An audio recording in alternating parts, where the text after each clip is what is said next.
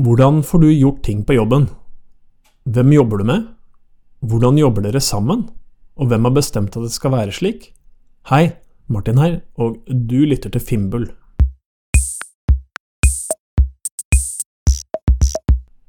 Et team er en liten gjeng mennesker som jobber sammen, enten i en liten bedrift eller i en avdeling i en større.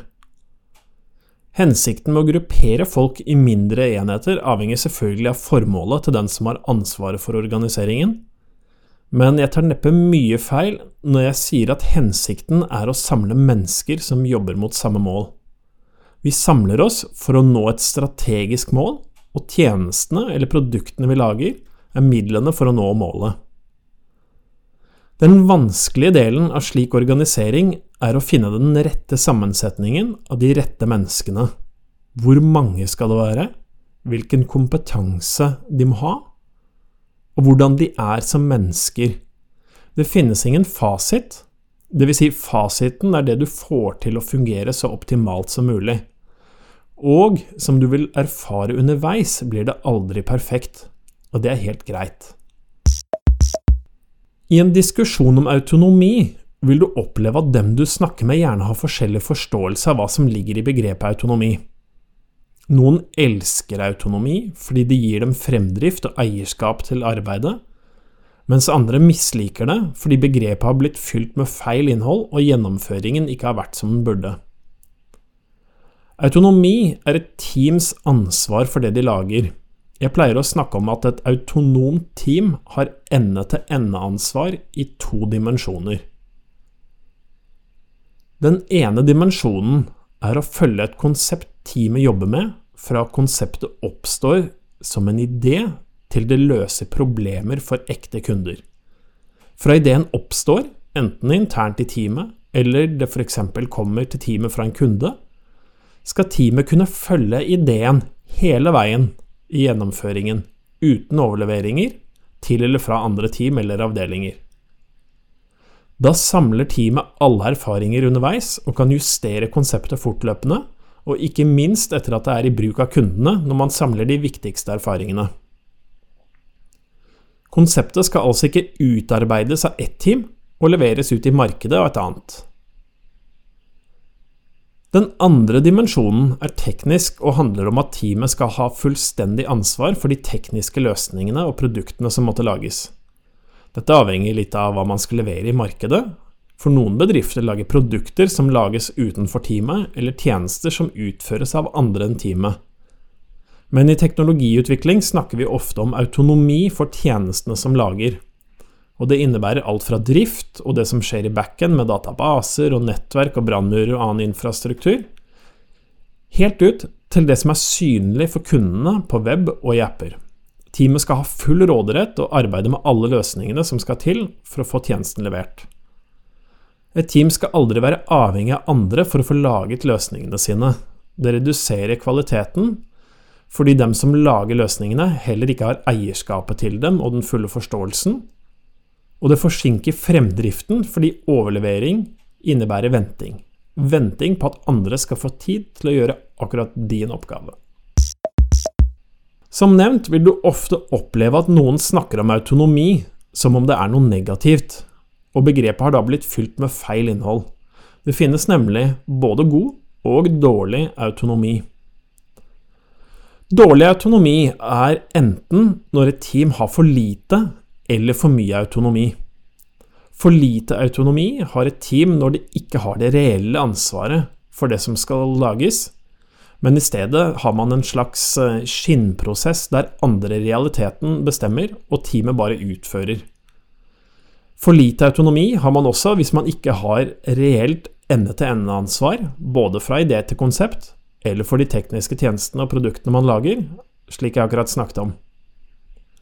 I slike situasjoner har man det jeg kaller innbilt autonomi. Vil si at man har blitt fortalt at man er et autonomt team, og man innbiller seg selv at man er et autonomt team, mens man i praksis erfarer at autonomien ikke er reell. Et team med for lite autonomi ender ofte opp med å bli frustrert fordi de opplever at det alltid er noe, i anførselstegn, som forhindrer dem fra å få fullstendig eierskap til det de arbeider med. Og frustrerte mennesker resulterer i høyere gjennomtrekk av folk, og kompetansen forsvinner ut, og den negative spiralen er i gang. Hvis du er leder og ønsker at et team skal være autonomt, betyr det også at du må gi fra deg en del av ansvaret til teamet. Du må akseptere at mennesker tar andre valg enn deg selv, og hvordan du ville gjort det, og du må være innforstått med at det er greit. Ofte vil du også oppleve at det strengt tatt også er bedre, for hvis du omgir deg med smarte folk, vil du også se at løsningene de kommer opp med, gjerne er bedre enn de du selv kommer med. Dårlig autonomi har man også dersom et team har for mye autonomi. Det er også mulig. For mye autonomi betyr at man har delegert for mange beslutninger helt ut til alle teammedlemmene. Autonomi er nemlig ikke det samme som demokrati, altså at alle på teamet skal være involvert i alle beslutninger. Et team har forskjellige roller, og teammedlemmene har autonomi innen sitt eget fagområde. Det er f.eks. designeren som bestemmer hvordan det skal se ut. Det er utvikleren som bestemmer hvordan det teknisk skal lages. Det er forretningsutvikleren som bestemmer hvordan vi skal løse det konseptuelle problemet. Og det er produkteier som bestemmer hva som skal lages når.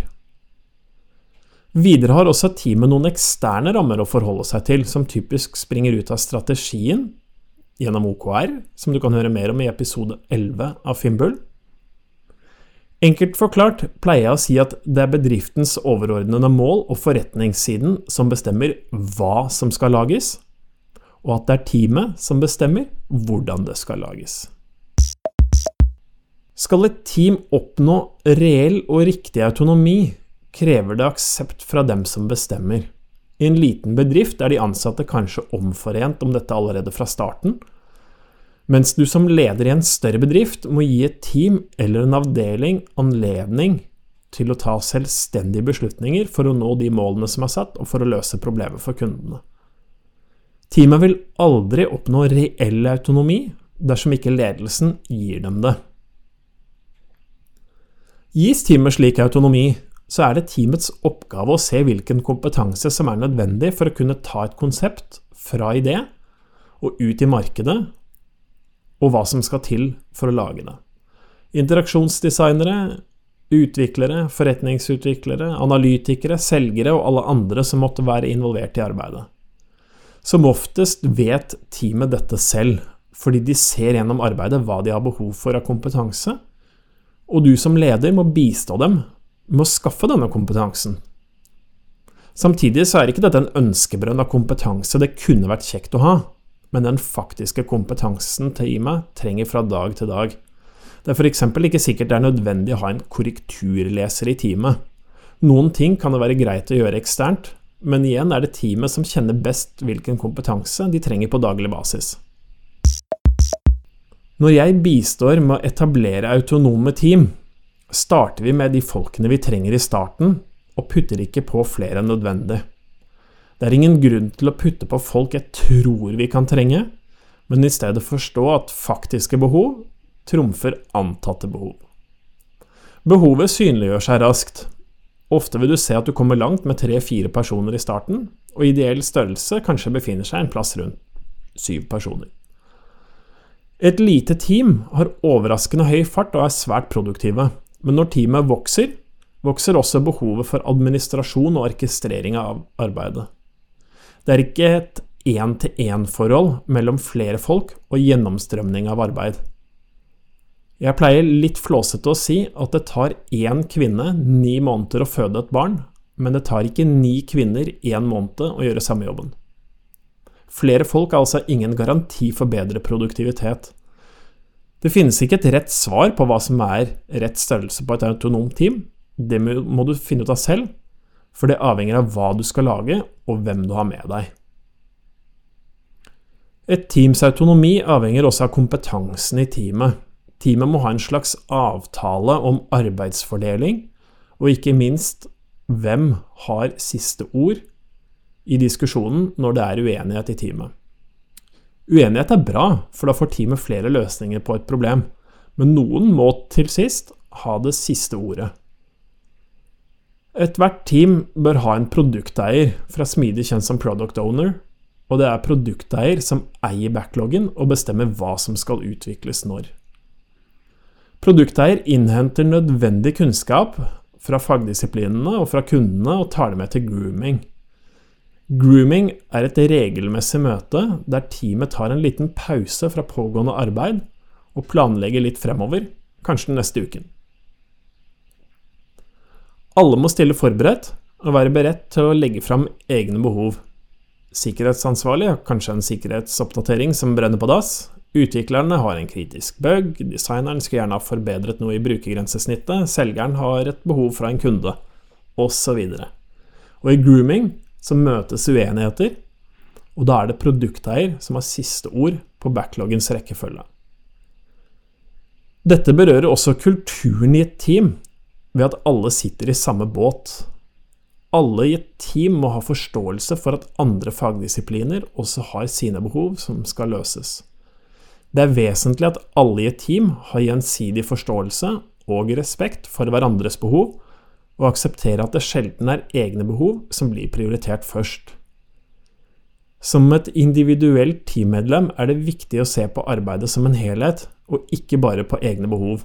Hva er det som bringer teamet nærmere målet? Hvordan et autonomt team skal jobbe, kan i stor grad også overlates til teamet selv. Men det er greit å være enige om at en smidig arbeidsprosess er å foretrekke. En prosess der man verdsetter validert læring og tar ny kunnskap inn i arbeidsprosessen for å kontinuerlig forbedre produktene og tjenestene man bygger, en prosess der man kontinuerlig leverer små biter av verdi, verdi i form av problemløsning for kundene og verdi til bedriften som vi jobber i. Har ikke teamet erfaring med smidig, så er metodikken scrum et fint sted å starte. Så kan man utvikle seg videre. Og du kan bruke Kanban for å visualisere arbeidet, f.eks. med Trello. Du finner flere detaljer om Scrum og Kanban og Trello i notatene til episoden på fimbul.tech. Det er fimbul.tech. Har du derimot erfaring, så kan det være greit å sy sammen prosessen slik teamet selv mener den burde være. Det viktige er at teamet er omforent om prosessen, og at alle forstår den og forholder seg til de spillereglene som blir satt. Et godt orkestrert team bruker lite tid på prosess og metode, og mer tid på selve arbeidet. Og det er tross alt arbeidet vi ønsker å drive med fra dag til dag, ikke metaarbeidet. I episode 18 av Finnbull snakker jeg om verdien av å ha nyutdannede på teamet. Sammen med erfarne seniorer får man en fin miks av ny kompetanse, satt sammen med erfaring. Teamsammensetning handler ikke bare om kompetanse, det handler også om hvem vi er som mennesker. Det heter at kultur spiser prosess til frokost, og min erfaring er at det er reelt. Det hjelper ikke at teamet har skrevet på veggen med fete bokstaver hva som er arbeidsprosessen og arbeidsfordelingen, hvis det i realiteten i hverdagen ikke er slik.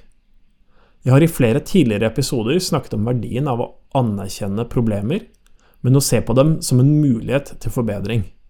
I episode 13 av Finnbull om retro hører du mer om verdien av en løsningsorientert kultur, hvor man allikevel kan ha god stemning selv om det er problemer.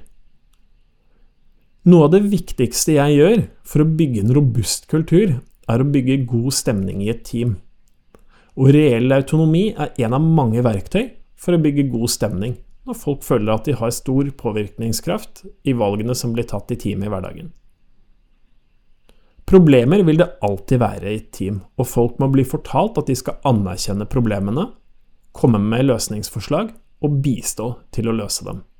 Hei, jeg ser dette problemet, det kan løses slik, og jeg kan bistå sånn. Da bygger du god stemning og en robust kultur som tåler vanskeligheter og utfordringer. Hvorvidt du ønsker å ansette folk selv eller leie inn konsulenter, avhenger av mange ting, annet av hvor viktig du mener det er å ha kompetansen ansatt og ikke innleid.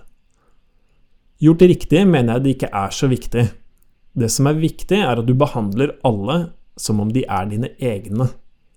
Jeg pleier å si at det er ikke så viktig hvilket firmanavn du har trykket på visittkortet, men at alle behandles som ansatte. Det er ikke dem og oss, det er vi. Det er vi i teamet, og det inkluderer alle. Men nå trenger jeg din hjelp. Jeg trenger din hjelp for å dele erfaringene i Finnbull. Jeg trenger din hjelp til å dele Finnbull med minst én venn eller en kollega. En venn og en kollega hvor du tenker 'dette vil du ha nytte av'. Be dem om å besøke finnbull.tech. fimbul.tech. Tusen takk for at du lytter til Finnbull, og for at du deler. Vi høres!